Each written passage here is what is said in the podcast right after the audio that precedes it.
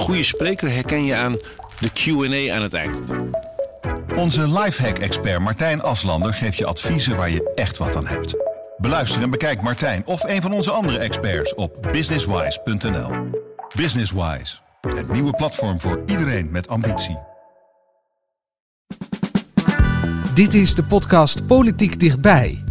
Met Tobias den Hartog en Thomas Brouwer. Het was een roerige week in Politiek Den Haag. Er klonk boegeroep naar de koning, er was een rel rond Thierry Baudet... en er was onvrede over het miljardenpakket om de koopkrachtcrisis aan te pakken. Het kabinet kan aan de bak, maar waar moet het beginnen? En intussen dreigt president Poetin met een nucleaire oorlog. Premier Rutte haalt zijn schouders op. Het laat hem Siberisch. Is dat nou wel zo verstandig? Dat en meer bespreek ik met Tobias den Hartog en Hans van Soest. Ja, Hans, het was de week van uh, Prinsjesdag, van de Algemene Beschouwingen. Loodzware week. Ja, je zou zeggen, dan zit je er uh, doodvermoeid bij vandaag. Maar jij bent uh, fris en fruitig, stralend, zonnig, blakend van energie en gezondheid. Ik verbaas me echt uh, hooglijk over deze uitspraak, want zo voel ik me totaal niet. Ja, Thomas heeft slechte je, ogen. Ja, volgens mij zit hij me ook enorm in de zijk te nemen nu. Hè? Thomas heeft nee, ik, ik vraag ogen. me af wat je geheim is. Uh, Ach man, ik strompel dadelijk uh, naar huis en duik mijn bed in, denk ik. Zware week ook, Tobias? Nee, nee, ik voel me kip lekker.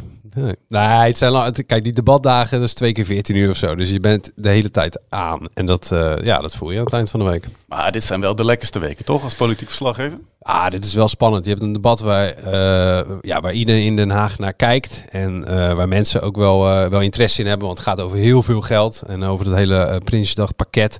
Dus dit zijn wel de dagen ja, waar je vandaan gaat. Ja. Straks praten we verder over de algemene beschouwingen en over Prinsjesdag. Maar er was meer nieuws deze week. Dat is toch wel een soort paniekreactie. En wat zij zegt over nucleaire wapens, dat is ook een soort retoriek die we al vaak gehoord hebben. Die laten ons ook redelijk Siberisch. Om maar even in Russische termen te blijven. Putin claims he had to act because Russia was threatened, but no one threatened Russia. Is um, Poetin in paniek niet levensgevaarlijk? Dat denk ik niet. Uh, dat het is ook niet in belang van Rusland om weer rare dingen te doen. Enige rust bij de stukken zou mijn advies zijn. We will stand in solidarity with Ukraine. We will stand in solidarity against Russia's aggression. Period. De Russische president Poetin kondigde deze week een gedeeltelijke mobilisatie af om zo nog eens 300.000 extra soldaten naar Oekraïne te kunnen sturen. En in zijn speech waarschuwde hij het Westen ook er niet voor terug te deinzen om Rusland te verdedigen met alle middelen die hij tot zijn beschikking heeft. Ja, dan denk je toch meteen aan uh, kernwapens. Ja, hij had denk ik niet uh, de memo gekregen dat het Prinsjesdag was in, uh, in Den Haag. En dat we hele andere dingen aan ons hoofd hadden. Nee. ja, dan denk je aan kernwapens. Ja, ik zat, ik, je hoorde Rutte inderdaad zeggen, hè, het laat ons Siberisch, hè, dat, die dreigementen. Dat, dat, dat, heeft hij eerder gezegd. Ik heb het even opgezocht, maar bij een persconferentie na afloop van de ministerraad gebruikte hij precies datzelfde grapje. En ik kwam in die stukken ook tegen dat in maart van, uh, van het jaar. Dat Kaag daar, die deed dan de persconferentie omdat Rutte afwezig was.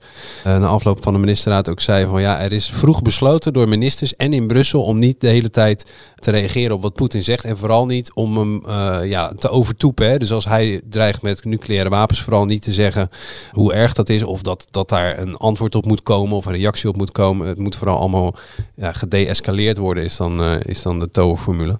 En ik denk dat Rutte dat precies nou ja, hier dus ook weer doet. Gewoon proberen. Uh, niet dat iemand luistert naar Rutte, maar dat, dat hij de toon zet in het Kremlin. Maar dat hij niet... Uh, Geen olie op het vuur wil precies, gooien in ieder geval. Precies. Hebben andere Europese leiders dat nou ook gedaan? Nee, volgens mij keek ook iedereen naar Biden. Hè? Want de, de speech was, uh, was duidelijk dat hij zou reageren in een speech. en en ja, dan is het toch vooral baas boven baas. laat Joe Biden dan maar reageren. Want ja, die heeft echt wat in de melk te brokkelen. En volgens mij ja, was, was dat ook wel weer ongeveer de reactie die je kan voorspellen. In ieder geval niet escalerend verder. Hè? Dus um, ik denk dat, uh, dat Rutte en zijn Europese partners daar met tevredenheid naar hebben gekeken. Ja, misschien daar wel naar. Maar tegelijkertijd groeien de zorgen natuurlijk wel over wat er gebeurt in Oekraïne. Want als één ding wel duidelijk is geworden deze week na de aankondiging van Poetin, is dat de oorlog in Oekraïne echt nog heel lang zal gaan duren die, die opmerking kwam namelijk, uh, die, die mobilisatie, nadat er ineens zo'n zo'n zo'n FOP-referendum is uitgeroepen. Nou, dat is eerder gebeurd op de Krim, dus uh, dat gaat gewonnen worden. En dan wordt het deel van Rusland en dan worden daar 300.000 soldaten uh, neergezet. ja, die oorlog gaat nog heel lang duren. En dat heeft consequenties voor de rest van Europa. Niet alleen om de energielevering, maar we hebben ons solidair verklaard met Oekraïne. Dus ja, we zijn eigenlijk, ik bedoel, Baudet heeft het altijd over een proxyoorlog in Oekraïne ehm, dat is natuurlijk eigenlijk wel een klein beetje zo. Wat bedoelt u daar dan mee? Een proxyoorlog is dat je niet zelf eh, eh, tegen je tegenstander vecht, maar dat je anderen dat voor je laat doen. Ja, wij geven wapens aan Oekraïne en dat zullen we blijven doen. Deze oorlog gaat Europa nog heel, heel lang pijn doen. En heel veel geld blijven kosten. Nou ja, en vooral ook de, eh, en dat is waar Poetin op eh, zin speelt, de eenheid in Europa onder, verder onder druk zetten. Kijk, nu al is het zo dat een aantal Oost-Europese landen eh, vinden dat we eh, Rusland veel te hard aanpakken. Hongarije? En, nou ja, bijvoorbeeld. Het is maar zeer de vraag hoe lang de Europese eensgezindheid eh, stand houdt. Overigens, tot nu toe eh, verrassend goed, overigens. Ik denk dat dat tegenvalt eh, in het Kremlin. Maar ja, de Russen hebben een lange adem. Nou ja, stel je voor dat we ook de gasvoorraden deze winter op gaan gebruiken. En dat we volgend jaar weer tegen eh, lege gasvoorraden aankijken. Dan gaan landen die, die, die gas nodig hebben, die gaan, eh, die gaan dan natuurlijk klagen over hoe lang het duurt. En dat we het misschien niet twee of drie winters volhouden. Ja, dat zet de zaak verder onder druk. Maar ja goed, dan moet Rusland dit ook nog wel een extra winter vol gaan houden. Ja, er waren natuurlijk hè, aanvankelijk berichten over dat de economie van Rusland in elkaar zou vouwen als een goedkope tent. En nou, dat is niet gebeurd vooralsnog. Dus dat is nou ja, zeer de vraag eh, of, eh, of daar iets zinnigs over te zeggen valt überhaupt. Dat de oorlog in Oekraïne ook invloed heeft op ons dagelijks leven, dat bleek ook weer op Prinsjesdag. We leven in een tijd van tegenstrijdigheden en onzekerheid. Het is tegenstrijdig dat bestaanszekerheden onder druk staan en armoede toeneemt in een periode van economische groei en lage werkloosheid. Daarnaast groeit de onzekerheid over koopkracht en woningnood, over de opvang van asielzoekers en de oorlog in Oekraïne. Daarom komt het kabinet met een ongekend fors maatregelenpakket van ruim 18 miljard euro. Ja, onzekerheid, eh, grote uitdagingen. Nou ja, die zijn er natuurlijk al. Kijk, de energiecrisis is echt heel groot. Eh, kijk, en de komende winter hebben we echt wel voldoende gas. Dat zeggen alle deskundigen. eh, eh, de gasvoorraden zijn goed gevuld. Maar die gasvoorraden hebben we nog kunnen vullen de afgelopen maanden met Russisch gas. Inmiddels is die gaskraan eh, eh, eigenlijk zo goed als dicht. Ehm, wat er na voor komende winter hebben we dus nog wel eh, eh, eh, gas genoeg. Maar ja, dan moeten we komend voorjaar weer opnieuw gaan beginnen met het vullen van onze voorraden. Wat Tobias net ook al zei. Ja, en waar halen we het gas dan vandaan? We proberen alles op te kopen op de wereldmarkt als Europese Unie wat los en vast zit. Maar er is gewoon een wereldwijde tekort aan gas. Althans, er is meer vraag naar gas dan aanbod. Dus ja, dit wordt echt nog een probleem. Nu zijn er dinsdag natuurlijk allerlei maatregelen aangekondigd waarmee het kabinet in ieder geval die koopkracht van de Nederlanders op korte termijn al ja, wil repareren eigenlijk. Dan helpt het ook wel als je dan ook een beetje het vertrouwen hebt van de burgers. Dat nu op een uiterst dieptepunt zit. Hè? Ja, en ik denk dat het kabinet precies andersom redeneert van wat jij zegt. Zij hopen met, dat, eh, met die miljarden euro's gewoon vertrouwen te kopen. Als je er maar voor zorgt dat de mensen het wat beter krijgen, eh, hopen dat ze je weer wat aardiger gaan, Ja, gaan maar die, re- die reactie kwam er nu niet vanuit de burgers. Als je de voxpops, hè, de, de gesprekjes op straat Ja. die dan worden gehaald na, rond, rond Prinsjesdag, dan hoor je vooral veel wantrouwen. En eerst nog maar eens zien. En laten we dan maar eerst maar eens kijken of die beloftes echt worden waargemaakt. Ja, maar dat, dat begrijp ik natuurlijk ook wel. Ja, Ja, op dit moment heb je min 7% koopkracht in je portemonnee. En dat moet dan wel weer een plus 3% worden ongeveer. Maar ja, dat betekent dat je nog steeds 4% kwijt bent. Plus, je hebt die, die, dat plusje heb je nog niet echt in handen. Hè? Dus de, eh, eerst zien dan geloven is natuurlijk de reactie. En eh, nou ja, dat is volkomen eh, begrijpelijk. En het is... Het is ook waar als je de politici in het debat gisteren, eh, nou ja, neem de hele aanloop eh, vanuit de coronapandemie naar een desastreuze formatie waarin ze elkaar alleen maar voor rottevis hebben uitgemaakt. En dan ligt er nu een, een, lag er een coalitieakkoord en, en is corona geweken en prompt komt er een oorlog die de inflatie aanwakkert en gasprijzen onder druk zet. Ja, het is ook niet, het, is een bumpy ride, zullen we maar zeggen. En dat, dat zegt nog helemaal niks over waar, hoe de coalitie het doet, maar wel onder welke omstandigheden ze iets moeten doen. En ja, dat, dat, dat valt denk ik niet mee. Eh, en of dat pakket genoeg gaat zijn en of dat de juiste ingreep is, zal moeten blijken. Eh, maar ik begrijp wel dat de mensen zoiets hebben van ja, eh, laten we eerst maar zien. Ja, er is iets, iets, iets opvallends aan de, gang, aan de hand, namelijk met het vertrouwen van burgers in de politiek. Vertrouwen is doorgaans altijd redelijk laag. in kabinetten en in de politiek. Je ziet af en toe een piekje. Bijvoorbeeld tijdens de coronacrisis zag je dat. Hè? Dan voelden we een soort eensgezindheid. eh, en, en hadden we vertrouwen in de leiders die ons door de, eh, eh, de pandemie moesten heen leiden.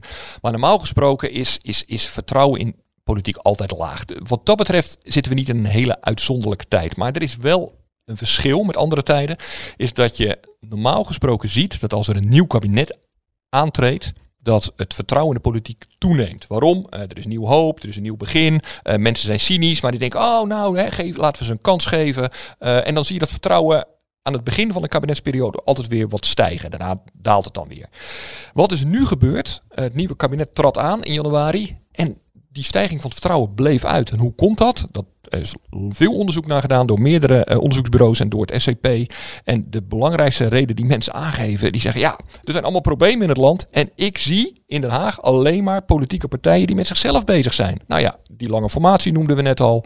Eh, negen maanden lang lag het stil. Het was echt wel uh, stuitend. Ze zien politici die alleen maar ruzie aan het maken zijn en geen oplossingen aan het verzinnen zijn samen. En dat voedt wel echt het cynisme in de politiek. Wat op, overigens ook wel grappig is, hè, uit diezelfde peilingen blijkt dan in, in wie hebben de, de mensen dan nog het meeste vertrouwen. Dan komt bijvoorbeeld iemand als Robert Dijkgraaf, hè, een gevierd wetenschapper die minister is gemaakt. Die komt dan heel goed uit de, uit de bus. Nou, zullen we eventjes uh, opnoemen wat hij allemaal heeft gedaan als minister? Ja, niks. Ja, niks. Maar het is een nieuw gezicht. Maar het is een nieuw gezicht. Hè, nou, een keertje wat anders. Uh, en dat, dat wekt dan blijkbaar vertrouwen, wat ook wel weer heel wonderlijk is over wie wij kennelijk ons vertrouwen, in uh, ons vertrouwen toevertrouwen. Ja. Ja. Overigens, jij zei, Thomas, dat het helpt niet, hè, dat lage vertrouwen. Ehm, dat hoeft niet, hè. Kijk, het lage vertrouwen wordt het kabinet heeft pas een probleem als er te weinig vertrouwen is in de Tweede Kamer uiteindelijk. En uh, er kunnen twee dingen gebeuren als het vertrouwen van kiezers heel laag is in de politiek. Of uh, die partijen in de Kamer, hè, in dit geval de vier coalitiepartijen, houden elkaar alleen maar extra hard vast om te zeggen van nou, hè, we moeten echt uh, deze rit uitzitten en zorgen dat we dat vertrouwen herwinnen en echt iets laten zien dat we iets kunnen voor de burgers. Of, dat kan ook gebeuren en dat is wel de angst, ehm, sommige partijen worden zenuwachtig uh, door de lage peilingen en het lage vertrouwen. En die gaan gekke bokkensprongen maken. Bijvoorbeeld volgend weekend uh, houdt de ChristenUnie een uh, bijeenkomst met boze leden over het asielbeleid. ja, de angst bij andere partijen is toch wel dat de achterban van de ChristenUnie, de top van de ChristenUnie gaat terugfluiten. Ja, en dan heb je meteen een kabinetscrisis. Ja, wat ook opvallend was, dan komt die koets voorbij en dan hoor je opeens dit. Dat hebben we ook tot niet vaak gehoord, Thomas. Nee, dit hebben we niet vaak gehoord. Ik, uh, de, we hebben natuurlijk wel bizarre incidenten gehad, zeg maar, met de vaccine lichthouder gooien. Uh, uh, en er is natuurlijk wel eens vaker boel geroepen. De, de... Maar dat was vaak een klein groepje dan? Ja, nu ja. is het een iets groter groepje. Nou, en maar... is dat, het leek op tv een ja. iets groter groepje. Maar na afloop van de rijtour verzamelden die demonstranten zich en liepen ze richting de Tweede Kamer. En toen stonden ze dus niet verspreid door het publiek, maar bij elkaar. En toen viel mij althans op dat het helemaal niet zo'n groot groepje was. Ze stonden gewoon heel strategisch opgesteld voor de camera's. En wat me ook opviel, want ze hadden omgekeerde vlaggen. Uh, dus je dacht meteen aan, uh, oh, dit is een voortzetting van de boerenprotest van afgelopen zomer. Maar ik zag daar mensen die je al normaal gesproken inderdaad bij die uh, anti-vaccinatie-demonstraties zag lopen. Mensen met truien tegen vaccineren. van die mannen die je altijd ziet met een van die lege uniformen. En die zich dan veteranen tegen de dictatuur noemen of zoiets. Dus um, ik, ik vroeg me eerlijk gezegd, ik, het, het zag er vooral uit als een heel goed georchestreerde actie van de, de beroepsdemonstranten uh, die de afgelopen twee jaar uh, eigenlijk overal opduiken. Okay, dus we hoeven dat nog niet te zwaar op te nemen. Nou ja, het, uh, ik, ik weet het, het, er is wel heel veel onvrede in het land, hè. Maar of nou die, die, die dat boegeroep en die middelvingers die we zagen afgelopen dinsdag bij de rijtour daar een uiting van waren, dat Denk ik, ja, als, ik denk dat je moet uitkijken met het te veel gewicht geven. Als het inderdaad die, uh, zeg maar de, uh, de beroepsdemonstranten uh, zijn die zich eerder ook roerden in, in de coronatijd, dan is het best interessant om te kijken hoe de NCTV daarnaar kijkt. Hè. De Nationaal Coördinator Terreurbestrijding. En die houden dit soort groepen in het oog. We hebben een paar keer een interview gehad met het hoofd daarvan. En die zegt ook van ja, Nederland heeft die, die heeft uh, het eigenlijk een hele tijd uh, hebben we niks gehad. We hebben geen gele hesjesprotesten gehad. We hebben geen plunderingen gehad zoals je in Engeland zag.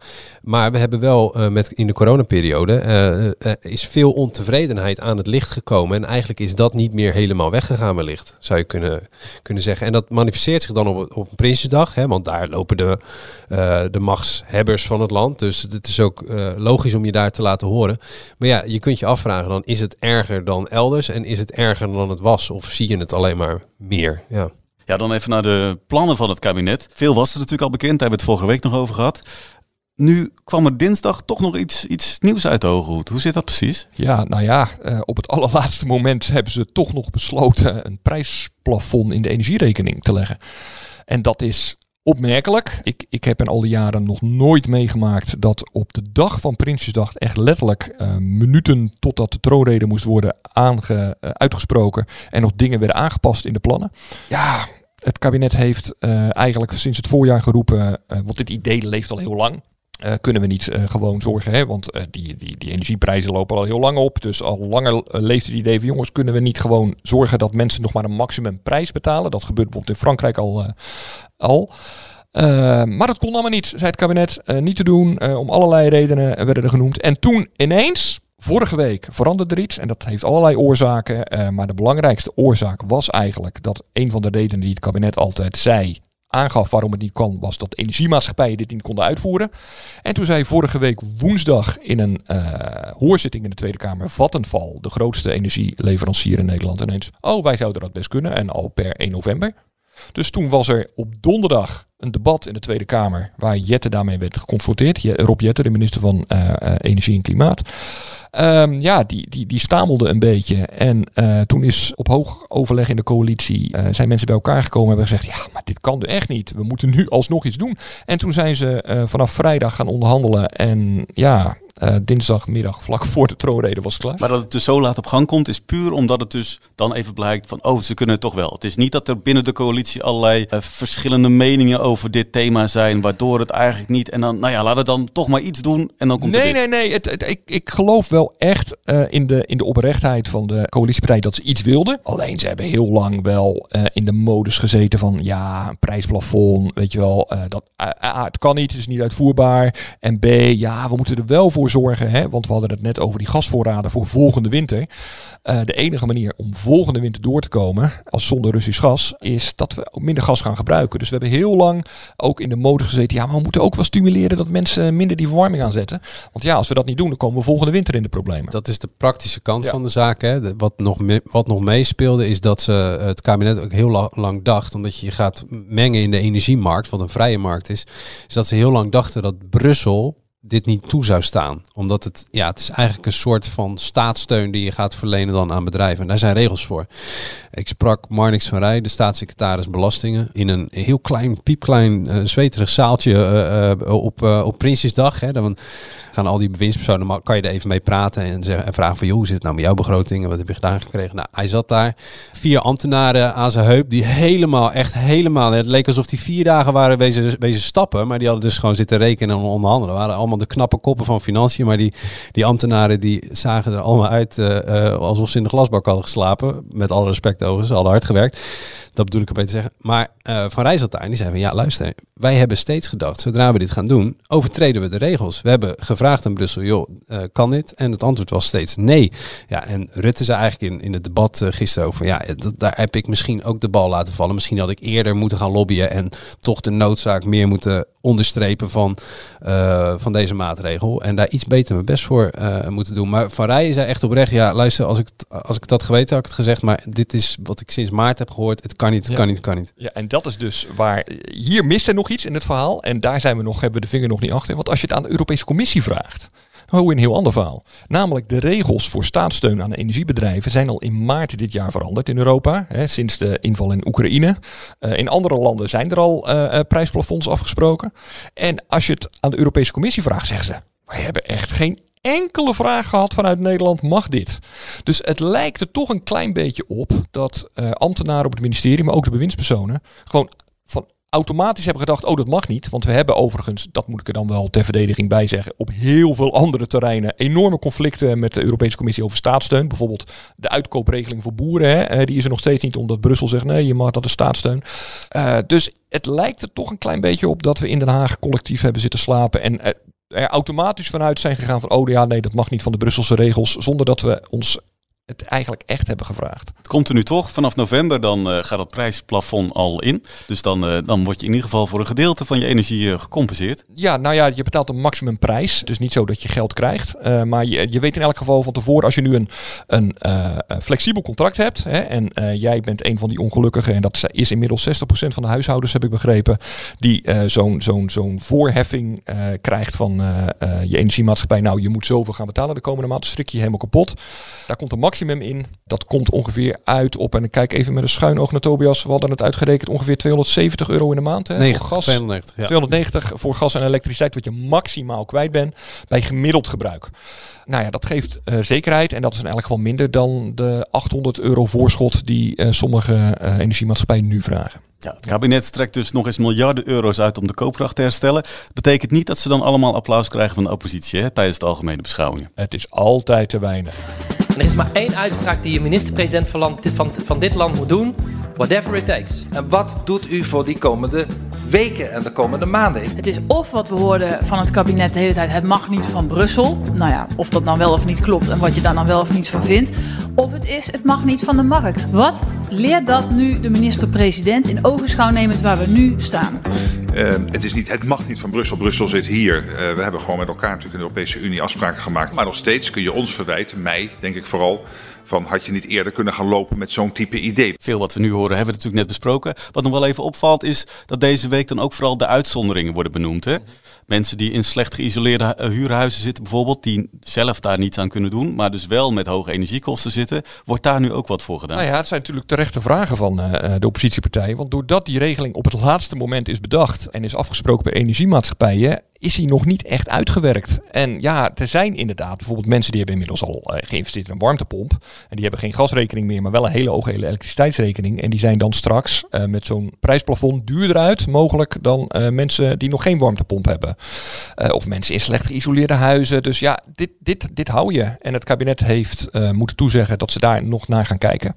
Maar of dat heel veel gaat opleveren, ik weet het niet. uiteindelijk moet de regeling ook gewoon uitvoerbaar zijn. Hè? we kunnen niet een aparte regeling voor elk huishouden in elkaar gaan timmeren.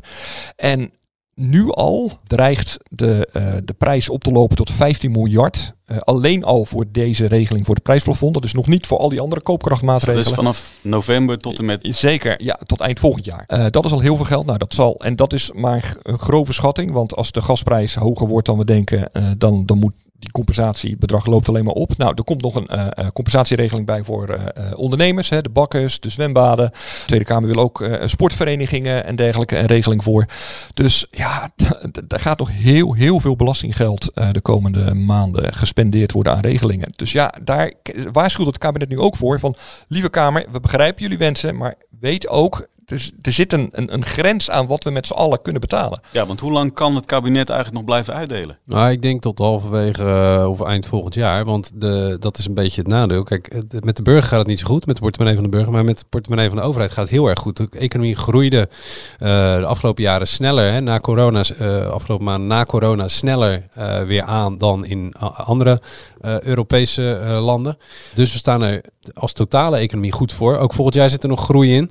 Tot die tijd uh, ja, zijn de overheidsfinanciën ook tamelijk florissant. Maar de keerzijde is, ja, de schuld loopt wel gewoon op. We zijn wel gewoon schulden aan het maken. Dit kabinet maakt gewoon heel veel schulden. En als dit zo doorzet, heeft uh, het CPB becijferd, ja, dan heb je in, uh, in, in, in 20 30, zeg ik uit mijn hoofd, heb je uh, een, een schuld waar uh, Brussel van zegt dat is te hoog. En dat, dat is wel een gevaar, want dan zadel je dus, zadel je dus een volgende generatie op met, uh, ja, met een grote schuldenberg. Er is nog een ander gevaar waar het CPB voor waarschuwt. Want ja, we hebben nog economische groei. Maar als je kijkt naar volgend jaar, dan komt die economische groei eigenlijk alleen maar doordat de overheid geld aan het uitgeven is. De groei komt bijna niet meer van bedrijven, want het valt gewoon langzamerhand stil.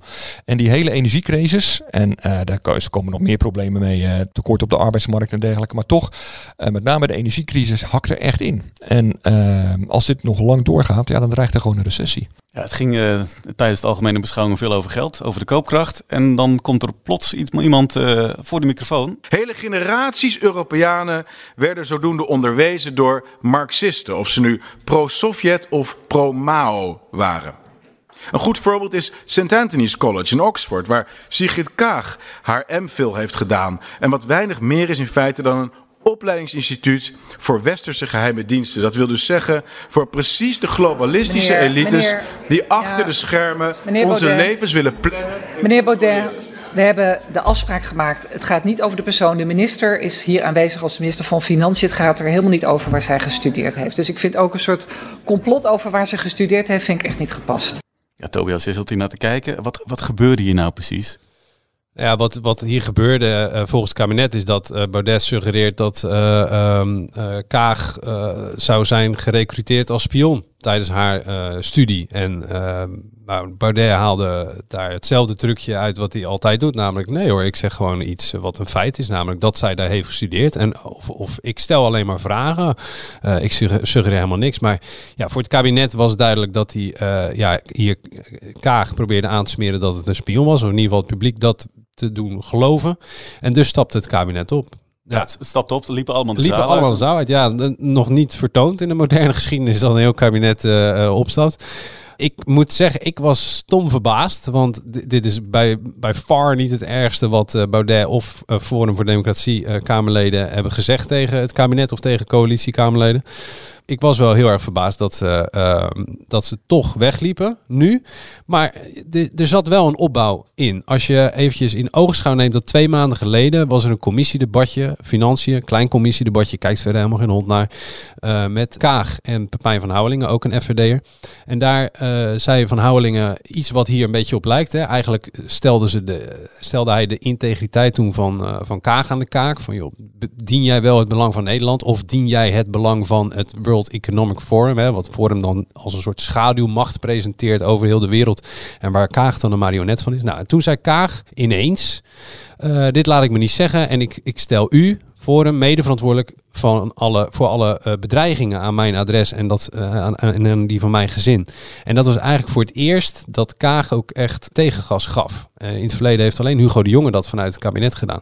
En het lijkt er dus op, en dat zeggen naast de medewerkers van Kaag ook wel, van ja, de, de, de grens is bereikt. En ze heeft ergens deze maand is de gedachte bij haar gerijpt van ik ga het niet meer, ik ga het niet meer over mijn kant laten gaan. Dus, dus stap ik ook op. Hugo de Jonge die presenteerde zich ook meteen voor de camera's van de pers. Om zich hier ook voluit Ja, tegen maar uit te spreken. vergis je niet eh, wat Hugo de Jonge en met name zijn gezin heeft doorgemaakt hè, de afgelopen twee jaar. eh, met politiebeveiliging, eh, kinderen die beveiligd moesten worden. Dat was echt een hele heftige tijd. En heel veel van die bedreigingen werden erger elke keer nadat er in de Tweede Kamer weer werd geroepen dat Hugo de Jonge allerlei dingen deed te- tegen het belang van de mensen in. Allerlei complottheorieën werden eh, aangehaald of in elk geval aan gerefereerd. En ze doen het altijd heel slim met hun woorden kiezen. Ze zeggen het nooit met zoveel woorden, maar ze suggereren vooral over dat het vaccin eh, niet eh, eh, veilig is. dat het eigenlijk de bedoeling is om mensen te knechten. Dat het, nou ja, allemaal weer, dat, dat World Economic Forum wordt er altijd weer bij gehaald. Dus ja, de jongen zit dit echt heel hoog. En wat Tobias net zei, voor de, in de vorige kabinetsperiode was het met name hij die eigenlijk in zijn eentje daar altijd iets op terug zei. Eh, hij was ook altijd degene die als Baudet aan het woord ging, heel demonstratief niet ging, ging zitten te luisteren. Hij was gewoon helemaal zat. Ja. En nu liepen ze collectief weg. Overigens, dat collectief weglopen, ik zag daar ook nog iets anders in. Want je zag niet alleen dat ze Baudet met zijn praatjes zat waren. Ik zag daar eigenlijk ook in dat ze eh, Kamervoorzitter Vera Bergkamp gewoon spuugzat zijn. Want op een gegeven moment kwam Rutte terug. Eh, en die zei, eh, ja luister eens voorzitter, ik begrijp dat eh, als het kabinet hier niet wegblijft, dat het, de rest van het debat niet kan doorgaan. Dus ik zit hier nog heel even, kom ik hier zitten. Maar, zei hij er wel bij, of ik hier blijf zitten, ligt, nou zo, hij zei eigenlijk met min, min of meer, dat ligt wel aan jou. Kortom, handhaaf hier eens heel even de orde en zorg dat eh, er niet alleen maar beledigingen worden. eh, en, nou ja, en toen greep eh, Bergkamp eigenlijk veel te laat in dat debat, want het debat waren al heel veel lelijke woorden gewisseld, ook door andere partijen, in. En ontnam ze Baudet het woord. Het is niet voor het eerst wat je al zei, dat er kritiek is op het optreden van Vera Bergkamp. Nee, nee. En inmiddels zijn ook de eerste Kamerleden die openlijk kritiek op haar hebben. Die gewoon zeggen, ja, ze moet echt nou eens een keer die orde gaan handhaven. Want het loopt echt uit de hand in de Tweede Kamer. Dat hebben we ook gezien. Overigens, mag ik nog één, één dingetje waar ik dan wel weer een beetje vrolijk van werd eh, afgelopen woensdag. Ik, ja, daar kan ik wel van genieten. Kijk, die algemene beschouwing is natuurlijk ook gewoon een beetje een kermis, laten we eerlijk wezen. Het is een van de weinige debatten eh, eh, die live op televisie wordt uitgezonden. Dus al die partijen, en zeker met verkiezingen in aantocht eh, in maart, die grijpen zo'n debat aan om ja, zichzelf in de kijker te spelen. Dus die denken van tevoren na over de strategie, weet je wel, om het, op het nieuws te halen of om dat debat naar de hand te zetten. En iemand die daar altijd, een meester in is, is Geert Wilders. Die verzint echt elk jaar bij de algemene beschouwingen, verzint hij iets, waardoor eigenlijk dat hele debat over hem gaat. Doet hij heel slim. De man is super goed, vind ik eigenlijk altijd in debatten. En nu had hij ook weer een, slimmigheidje bedacht. Dat was namelijk, hij begon eh, het debat door eh, aanklacht in te dienen tegen eh, het kabinet. Ook nog nooit gebeurd. Dus hij vond dat het kabinet moet worden vervolgd. Nou, de Tweede Kamer kan inderdaad ervoor zorgen dat het kabinet eh, wordt vervolgd door het Openbaar Ministerie. Het is de enige die dat kan. Dus nou, dat was een opzetje. Eh, dat kreeg ook wel wat aandacht. Maar dat werd natuurlijk volledig weggeblazen. Later in het debat door zijn eh compaan Thierry Baudet. En je zag later op de avond eh, dat Wilders nog probeerde het debat een klein beetje de aandacht naar zich toe te trekken door heel erg hard eh, eh, te gaan schelden tegen Gert-Jan Segers. En vervolgens eh, toen Bergkamp daar iets van zei, eh, wat zei hij ook alweer? Eh, Onchristelijk. Onchristelijk. ja, tegen Bergkamp zei Oh, hij, daar ja. heb jij niks over te zeggen. Weet Ja. je wel, nou kortom, hij, hij lokte echt uit van, oh, oh, oh, stuur mij ook eens weg. Of, maar dat, dat viel eigenlijk helemaal dood. Nou ja, ehm, sorry, dat was even een... eh, Ja, nou ja, het was, Ja. Het was, het was wel tekenend van, oké, dat trucje kennen we nu, maar we, waren nog even, we zijn nu even met eh Baudet bezig, eh, meneer Wilders. Ja. Ja. Dat was heel duidelijk. Ja. Ja, als het dan over omgangsvormen in de Tweede Kamer gaat. Hè, wat mij toch ook weer opviel de afgelopen dagen, is dat die mensen steeds op hun telefoon zitten te kijken. Er wordt gewoon een debat gevoerd. En, zijn net mensen, hè? Nou ja, maar iedereen zit op zijn telefoon. Ja, maar Thomas, wees nou eens even eerlijk. Nou, Als jij zit- hier in hier een al ver- 20 in- in minuten met jullie in gesprek, Ja. zonder ook maar een moment Ja, niet maar in jullie als, ogen kijken. als jij hier op de redactievloer zit, of jij zit in een vergadering met jouw redactie, wie zit er niet op zijn telefoon? Het wat dat betreft zijn Kamerled net gewoon, Kamerleden net gewone mensen. Ja. Die zitten ook gewoon. En, maar wat ze wel vaak zitten te doen, valt mij altijd op, is dat ze vooral op sociale media zitten te kijken eh, eh, hoe mensen reageren op wat er gebeurt in het debat. Oké, dus ze zijn eigenlijk nog wel bezig met... Ze zijn eigenlijk voortdurend de recensies over zichzelf aan het lezen. En daar dan eventueel weer op reageren. Dus ik moet daar vooral niet... eh, Nee, en er zijn natuurlijk ook gewoon wel eh, eh, Kamerleden en bewindspersonen die gewoon ook echt tegelijkertijd zitten te werken. Hè? Want bijvoorbeeld wat je altijd ziet, in, in de, bij, zeker bij die algemene beschouwing, daar moet altijd dat hele kabinet bij zitten. Al die ministers, staatssecretarissen, maar er mag maar één iemand antwoorden, dat is Rutte. Dus ja, de rest van die kabinet die zitten eigenlijk twee dagen lang alleen maar een beetje op en eh, eh, ja, gummibeertjes te eten. Dus ja, wat, wat, wat doe je dan? Ja, dan ga je maar stukken afdoen. Dat is- Eh, hè? En, eh, ehm, Dat is geen grap trouwens van die gummibeertjes. Hè. Dat stoppen ze in een witte envelop. Zo'n zo'n chique Tweede Kamer envelop. Daar gaan dan de snoepjes in. En die envelop gaat dan rond. Want ze vinden het dan ook wel weer lullig om zakjes Haribo rond eh, eh, door te geven aan elkaar. Met de dus als je camera een erop. witte envelop Ja, zo door exact. de kamerbankje ziet gaan... Nou ja, de, de- het vak, vak K, hè, dus het Ja. vak kabinet. Ja, als je de, de- let erop. Ja, want dan, dan weet je dat dat zijn de gummibeertjes. Maar Vol, volgens mij was het Wouter Koolmees die in het vorige kabinet ze meebracht. En nu hoorde ik dat het Frank Weerwind was die, eh, die de snoepjes mee had. Dus eh, eh, dan weet je dat ook weer, ook belangrijk. Overigens, eh, wat mij dan wel weer verbaast. Kijk, die kabinetsleden zitten daar dan bij. En dan kreeg Rutte bijvoorbeeld een vraag over de wijkverpleging. bezuiniging op de wijkverpleging, omdat er te weinig mensen te krijgen zijn. En dan is het een vrij ingewikkelde vraag van u bezuinigt op dit punt en waarom dan? En kunt u uitleggen, hè, dat was een vraag van Wilders. En, en, Rutte had duidelijk het antwoord niet in zijn hoofd. Wist niet precies, oh ja, wat, wat gingen we nou ook weer doen met die wijkverpleging? Dus die draait zich dan om naar, in dit geval, minister Helder. En die zegt van, eh, Connie, wat, wat deden we ook weer die wijkverpleging? En dan zegt zij, ja, bezuinigen, 500 miljoen. En dan draait hij zich weer om en dan gaat hij dus een, een, het antwoord geven alsof hij het, nou, alsof hij het, al, al, kilometers zag aankomen. Dit helemaal had voorbereid. Dat vind ik dan wel van beide wel weer knap. Zij let dan dus net genoeg op om, om te weten waar het op dat moment in het debat over gaat. En hij heeft dan een half woord blijkbaar genoeg. En, en Wilders gaf ook blijk van dat hij tevreden was met het antwoord. Dat het inhoudelijk genoeg was. Dus dat vond dan, nou, dat is dan wel weer knap. Maar dat vullen ze elkaar dan eh, goed aan daar in, Ja, in ja, K. dat werkt dan. Volgende week dan is er een eh, debat over een voorstel tot wijziging van het reglement orde van de Tweede Kamer. En dat gaat dus over hoe men met elkaar omgaat. En vooral ook gaat het deze keer over de macht van de voorzitter. Hè? Ja, er gaat een, een, een stukje. De, de, het reglement van orde zijn zeg maar de het spelregelboekje van, eh, van Vera Bergkamp. Hè. Wat mag, mag hier wel en wat mag hier niet. En eh, er gaat iets toegevoegd worden aan het eh, lid. schrijf even mee. Artikel 8.16 eerste lid. Daar komt dan bij te staan: het bedreigen van een persoon doen we niet langer. Nou ja, dat, dat, dat wil dus zoveel zeggen dat, dat je in de Tweede Kamer als Tweede Kamerlid een ander niet mag bedreigen. En dan vraag je je, wat is dan precies bedreigen? Nou, ik heb even de pagina's zitten lezen die eh, Jan Paternotte en Gert-Jan Segers, hè, dat zijn de twee indieners van deze wijziging, hebben geschreven. En je komt er niet helemaal uit. Zij komen er ook niet helemaal uit van wanneer bedreig je nou iemand. Eh, dat is natuurlijk best wel subjectief van wanneer voel je je ook bedreigd. Maar zij vinden het belangrijk genoeg om, om het in ieder geval vast te leggen, zodat er, nou ja, soms ook wel wat discussie zal zijn, maar dat dit er staat. Ik denk alleen niet ja, dat het een einde gaat maken aan de hele discussie van de omgangsvorm in de Tweede Kamer en de rol van Bergkamp. En wat is een bedreiging? Kijk, de Ja. vorige keer eh, zei eh Pepijn van Houwelingen, eh, er komen tribunalen tegen eh Sjoerd Sjoerdsma van D66. Ja, is dat een bedreiging? Eh, het werd in elk geval opgevat als een bedreiging. Maar ik vind het, ja, het is wel heel lastig. Het hoor. is nog Ja. weer een spelregeltje waar Vera Bergkamp dus... eh, hè, we hebben geen VAR in de Tweede Kamer, dus dat moet zij dus weer gaan callen van kan dit wel, kan dit niet. Nou, eh, fijne wedstrijd. Fijne wedstrijd.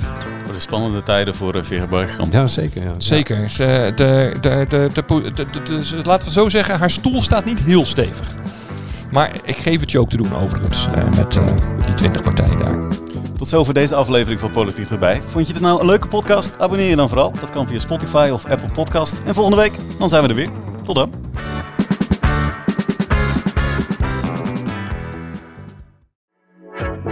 Mensen luisteren niet naar wat je zegt, maar kopiëren wat je doet. Onze vitaliteitsexpert Martin Hersman helpt je te focussen op wat echt belangrijk is. Beluister en bekijk Martin of een van onze andere experts op businesswise.nl. Businesswise, het nieuwe platform voor iedereen met ambitie.